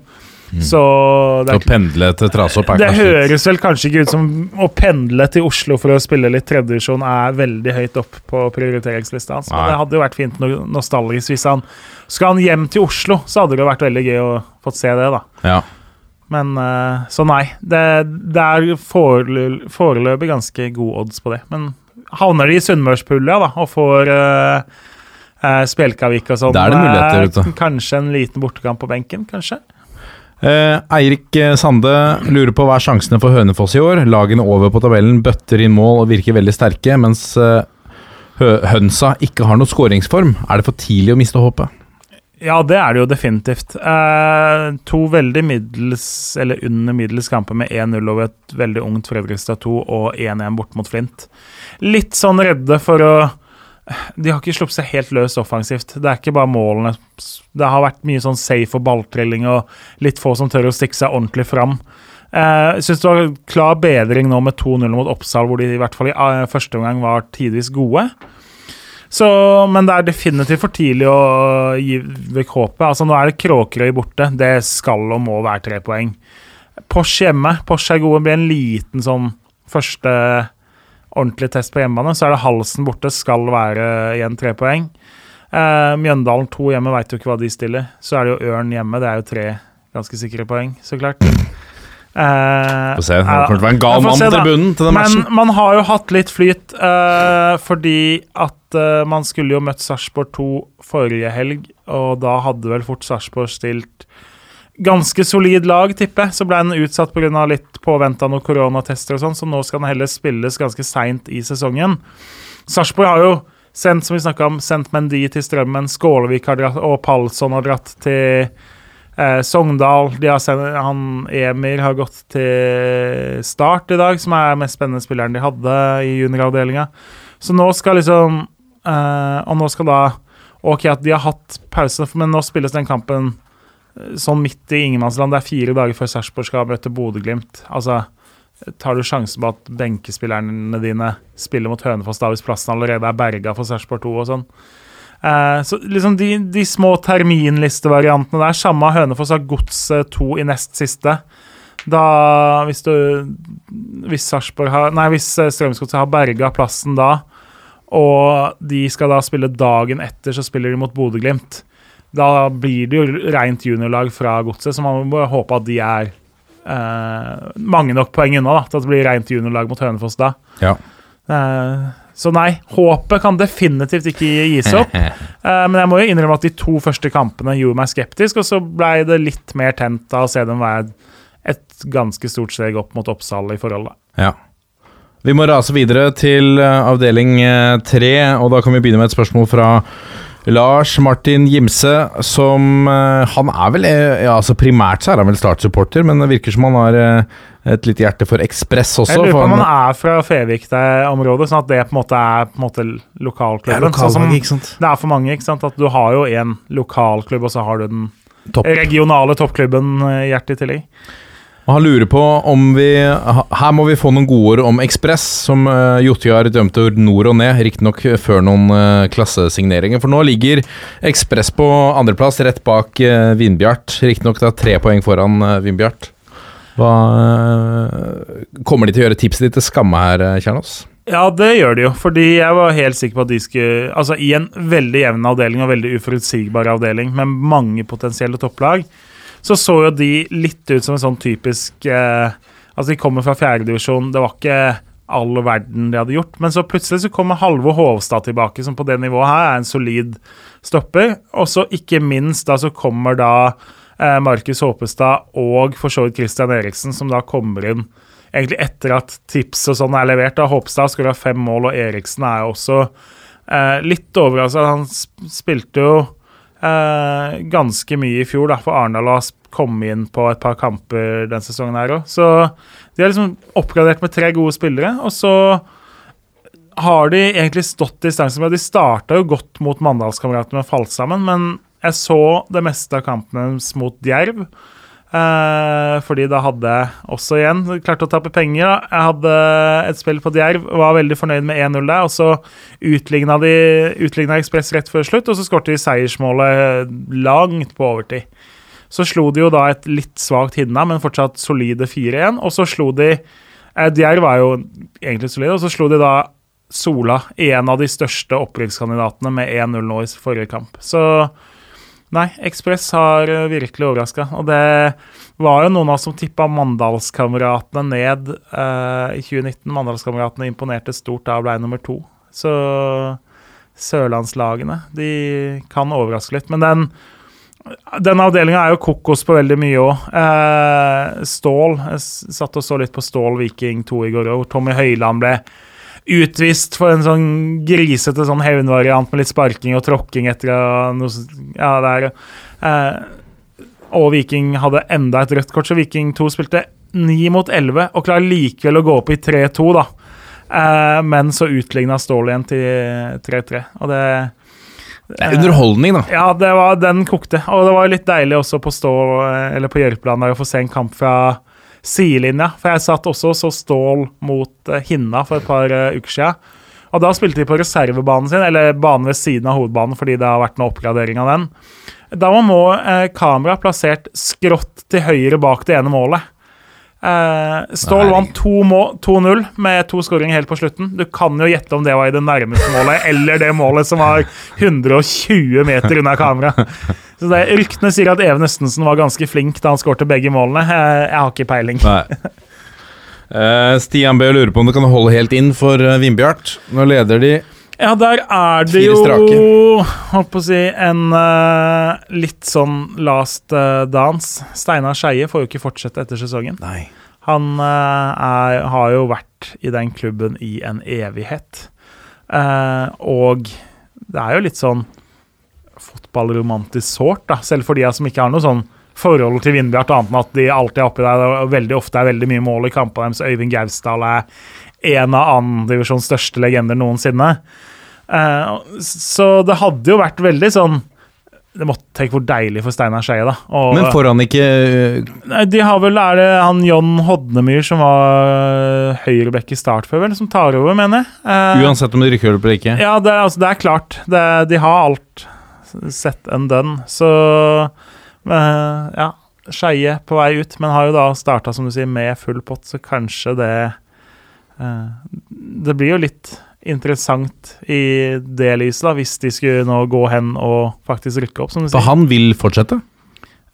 Nå har ikke jeg nilest alle de sakene, men sånn som jeg skjønte, eller inntrykket mitt, var det at det, det var ikke helt holdens hans avgjørelse, i hvert fall. Nå får vi se, da. Nå har de Stål hjemme i neste hjemmekamp. Det kan jo bli en opprykksduell eh, der. Er det noe andre Vi begynner å få litt dårlig tid. Uh, noe annet i avdeling tre som vi bør eh, trekke fram? Jo, vi må jo trekke fram Åkra, ja. som har starta her, da, med tre uavgjorte av tre mulige, i tillegg til en Fikk kampen bort mot Don utsatt. Det, den kampen skulle starta 12.00, klokka 12.52 eller noe sånt. Fikk lagene beskjed om at dessverre det er noe smitte, vi, må, vi får ikke spilt. Så Åkke hadde da reist ned til Sørlandet dagen før. Eh, lagene varmer opp. De eh, stiller seg opp klare til kamp, og så får du ikke spille, og du må dra hjem igjen isteden. Men det spesielle med Åkke er jo tre uavgjorte. Eh, I fjor spilte de jo ikke. I 2019 gikk de ubeseira gjennom fjerdedivisjon. Det vil si at 27. september 2018 er forrige gang de tapte en seriekamp. De er altså Nå møter de da ok, Brodd hjemme.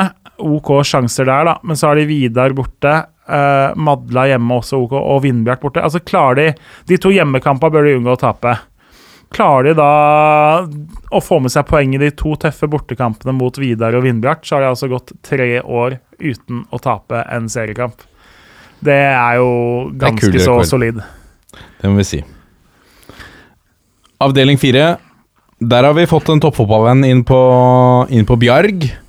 Eh, Sandmoen, Brede Sandmoen har, eh, har vel flytta til eh, Er det ikke det bergensområdet? det er Bergen. Ja, for uh, studier og uh, ta plassen. Det må vi si er en, er en bra signering fra Gjorde sine saker uh, bra for Ole Martin i, strømmen tidvis, og, og nå rett inn i tredjevisjon på midtbanen der.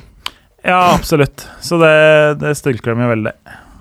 Um, på toppen uh, Fyllingsdalen to poeng foran Frigg. Er det opprykksambisjoner i den gamle storheten eh, Frigg i Oslo? Det er det definitivt. Nå møtes jo de to lagene i Oslo til helgen. Uh, Frigg har jo bygd egentlig Det som ofte har felt Frigg, er at det har vært litt sånn Det har vært litt A-laget. Det har vært er liksom 18-19 mann, og så mister du et par mann eller noen skada, og sånn, så har det blitt veldig tynt over, utover høsten. 2019 så var det litt sånn Det var litt Allboys og det var litt gutt 15-spillere og litt folk som måtte tvinges omtrent til å gjøre comeback, og du kidnappa en fyr på Majorstua T-bane for å ha nok til å stille lag omtrent. Eh, mens nå så har de bygd opp en veldig mye bredere stall, da, og veldig solid stall. Uh, så sånn som nå uh, Han er vel litt inne, tror jeg, i trenervarianten nå, men Johan Andersson eh, Tidligere Stabæk og LSK-spilleren som var så god der. Han var jo f.eks. med og satt på benken hele matchen bort mot Fjøra nå eh, sist. Brukte liksom lørdagen sin eh, og fredagen sin sikkert på Reise til Sogndal uten å få spille. Så det er litt glød. Og eh, Vital Kaba tilbake strålende. Ulrik Feirer. Eh, de har to veldig gode spisser der.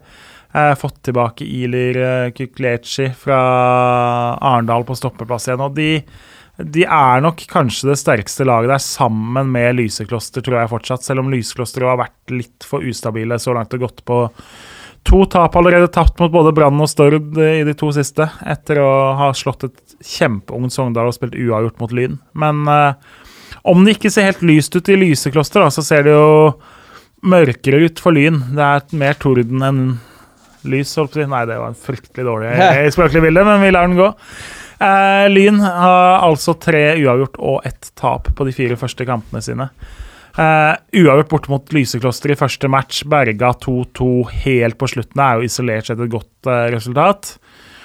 Så 1-1 mot Årdal, kjempeskuffende. 0-0 mot Sandviken, også skuffende. Og så 1-3 borte mot Fana i seg selv så er ikke det noen katastrofe, for Fana også er et godt lag og en mulig opprykkskandidat. Men når du har gått på da tre uavgjort på tap, og spesielt de to hjemmekampene er jo Hadde de stått med sju poeng, da hadde de vunnet de to hjemmekampene uavgjort mot Lysekloster og tap mot Fana, så hadde det vært en helt terningkast fire og litt sånn som forventa. Du er fortsatt med. Men nå er de jo egentlig mer eller mindre hekta av deg. Det går mot en ny sesong i fjerdedivisjon, og Uh, Nedrykksstreken er i øyeblikket ett poeng unna, selv om de jo skal være altfor gode til det. Så Ny sesong i tredje, da. Ny sesong i tredje. Ja. Det, og liksom hekta av egentlig helt i starten av sesongen. Det, Ja. det, det går mot en ny skuffelse for Lyn, rett og slett.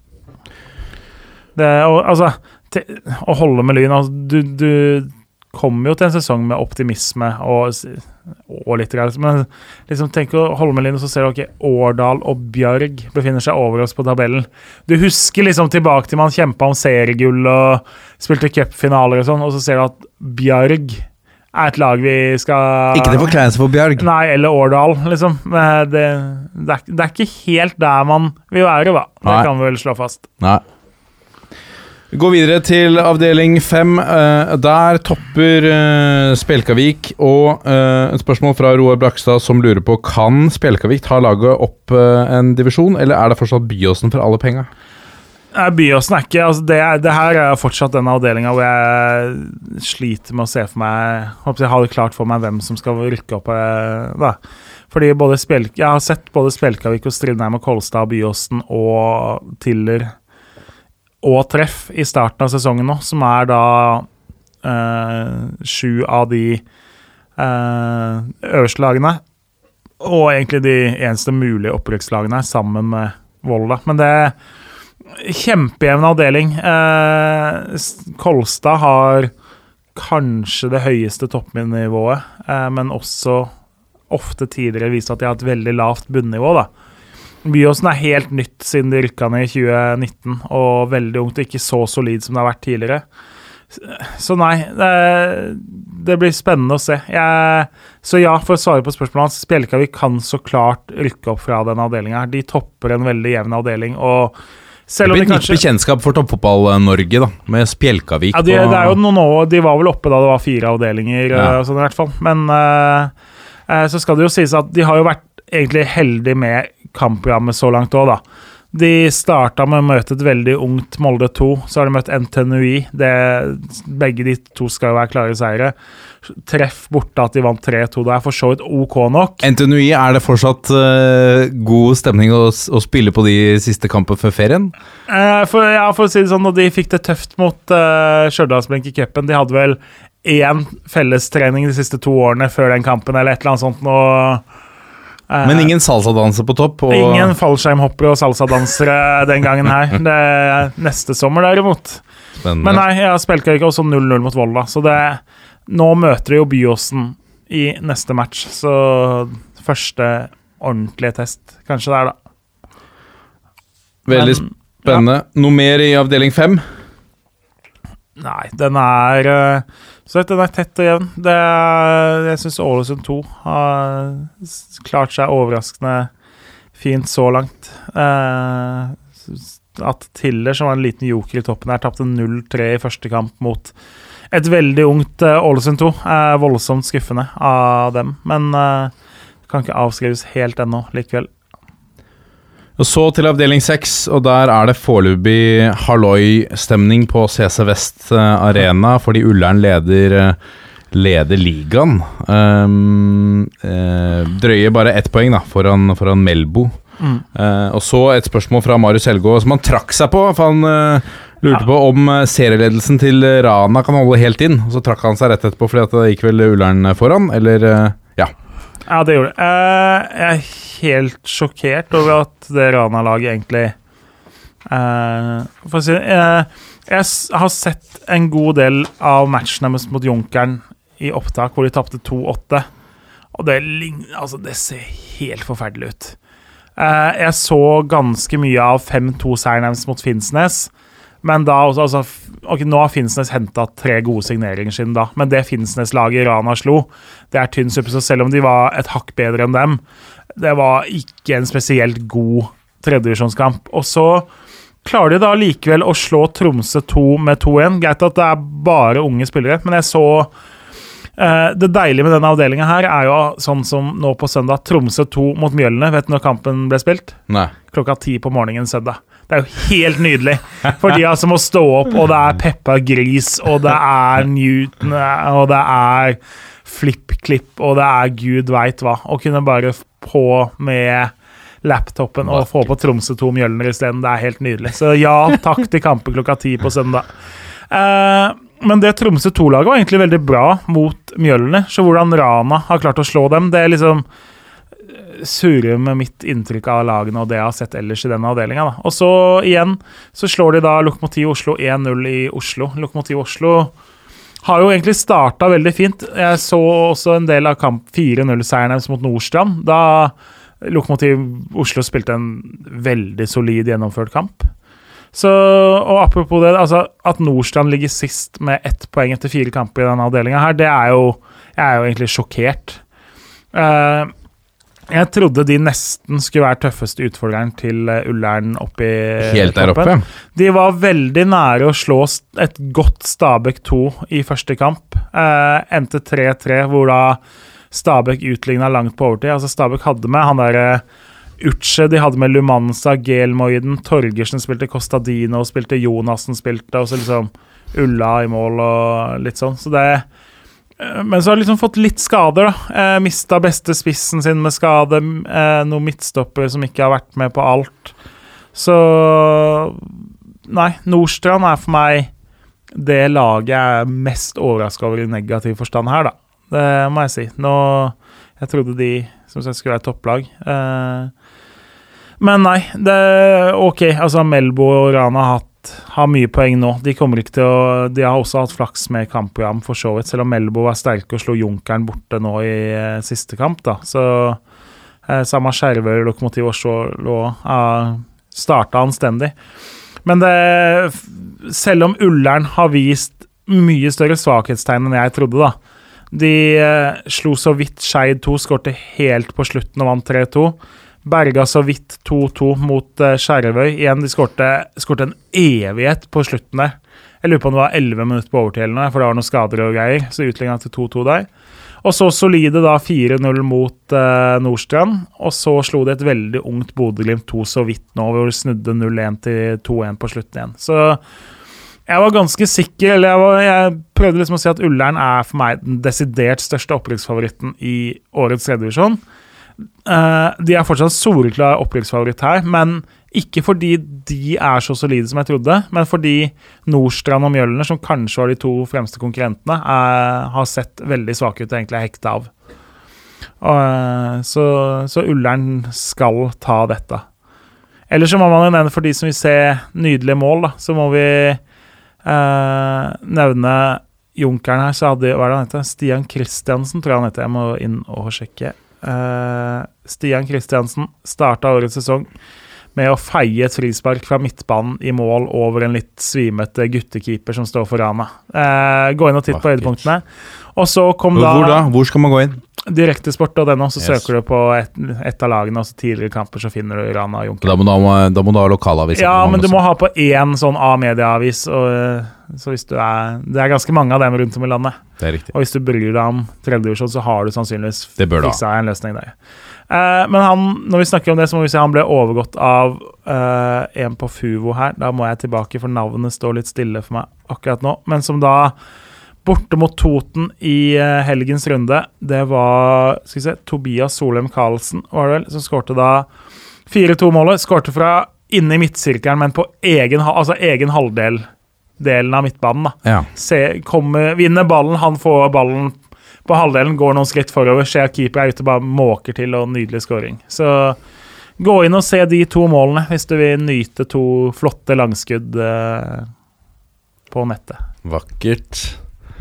Vakkert. Dette var uh, en maraton gjennom uh, seks ulike av eh, seks ulike kan vi få nevne at tidligere Ullkisa-stopper Martin Rosenkilde har valgt drakt nummer 69 i Fuvo også, når vi først snakker om Fuvo? Fuvo, altså. Ørjan Hopen fortsatt skada. Han mister vel hele sesongen. Ja. Men Kim Brenna så klart på topp når vi snakker om legender i lavere divisjoner når det kommer til å skåre mål. Ja. Det var vel han som hadde flest mål da var det 2019, da. For da De spilte jo fjerdedivisjon, han skåret vel noen sånn 44 mål, og så spilte han i tillegg et, Jeg tror han hadde fire kamper og tolv mål for andrelaget i tillegg. Så liksom 56 mål. Han har jo skåra over 30 mål en haug av sesonger nå. Så, og skårte jo da to mål borte mot eh, Toten i helgens runde. ja. Spennende å følge. Kan være kandidat, da. Skal vi kjøre årets uh, Hva blir det? Uh, Det er ikke Dang Nei, det er ikke Udal heller. Hvem er uh, Jo, det er han som spiller i Drammen. Å uh, oh gud, dette er jo pinlig om det skal sendes på lufta. Men det ble jo ikke ble jo ikke noe i fjor, fordi at Nei, I eh, fjor ble det jo ikke noe, så det er jo sånn at eh, Det er jo sånn samme som at Viking er regjerende norgesmester i dødslang tid, da. Eh, så er jo uh, Er det jo dødslang tid på å få lov til å være den mannen. Men han var jo med på denne eh, En av disse udelelige Skal vi se, Vemund Eskevik. Det var det. Eskevik, selvfølgelig. Eh, så årets Eskevik må vi finne. Eskevik. Han har jo starta eh, Han var vel med på den her tweeten som gikk viralt. Hvor de satt på en pub i Drammen fordi det var da du ikke fikk trene ennå, og alle var frustrerte. Eh, får ikke lov til å trene, men dette får vi lov til. Og så satt de og trilla en ball mellom seg mens de satt på hver sin pubstol og drakk øl isteden. Så han har i hvert fall lykt Altså Vi har jo spådd at han kommer til å nå viralt, da, eller kommer til Ja, ja. å bli lagt merke til høyere opp. Ja, men altså, det er jo tydelig, da. Eller jeg velger jo å tolke det i den retning at godeste Eskevik går jo faktisk for å vinne eh, prisen nok en sesong, sånn som jeg eh, tolker han. Så han kan Vemund Eskvik bli årets Eskvik? Ja, jeg ser da ikke bort fra det. Fordi godeste Eskvik har jo da starta med fem mål på tre kamper i fjerdedivisjon for Drammen BK. Skårte alle fire mot Birkebeineren, og så ett mot, mot eh, Jevnaker. Eh, og de har da vunnet alle tre kampene. Men så har han i tillegg Han er tydeligvis fryktelig fotballtørst for tida, for han har også spilt tre kamper for andrelaget i femtedivisjon, og skåra fire mål der. for å spille seg i form. Ja, eller rett og slett for å vinne denne og liksom komme med en gang til. Ja, Kanskje han går ja. liksom all in for å bryte alt av regler og bli nominert. Ja, Eskevik blir årets Eskevik. Er jo, kanskje det er det som er Det er, en tabloid hans- tittel. Ja, jeg er usikker på hvor godt lest Eskevik er årets Eskevik blir. Men så må det jo også nevnes, det er litt morsomt, fordi husker du Erik Arnebrott? Ja. Vikingkeeperen som egentlig er fra Drammen, så gikk han lei av fotball og trappa. Ferdig. Han, han spiller jo der nå, men er jo da hvis jeg har tolka det riktig, så er han jo faktisk en av de godeste Eskevik må utkonkurrere for, for å spille på topp nå. Han spiller Arne, spiss. ja, eller i hvert fall offensivt, da. Ok. Så det har vært et par av de kampene her nå, så har mot Birkebeineren, da, så starta jo da Arnebrott på topp, mens Eskevik kom faktisk inn og skårte Yes. fire mål. Så ja, det er klart Når, når det er en keeper foran deg i køen, så Eh, men da får du med deg de andre lagskampene da må så, du steppe opp i Vemund. Det er sikkert det han brukte da, for å komme seg i form, bevise at jeg har det fortsatt. Jeg, er, ja. kan bli årets Eskevik. Ja. Sett ut Arnebrott rett inn der. Det blir spennende å følge. Eh, nå må vi eh, runde av. vi er toppfotball på Facebook, Twitter og Instagram. Send en mail på toppfotballat451 shop.no også. Det eh, setter vi veldig pris på. Takk til de som tipset oss litt og ga oss litt bakgrunn rundt eh, situasjonen i Moss. Eh, har du andre ting du gjerne vil tipse oss om, så send oss en mail fra din klubb. Det vil vi gjerne høre. Og så må vi runde av på 1, 2, 3. Vi er en gjeng. Ha det.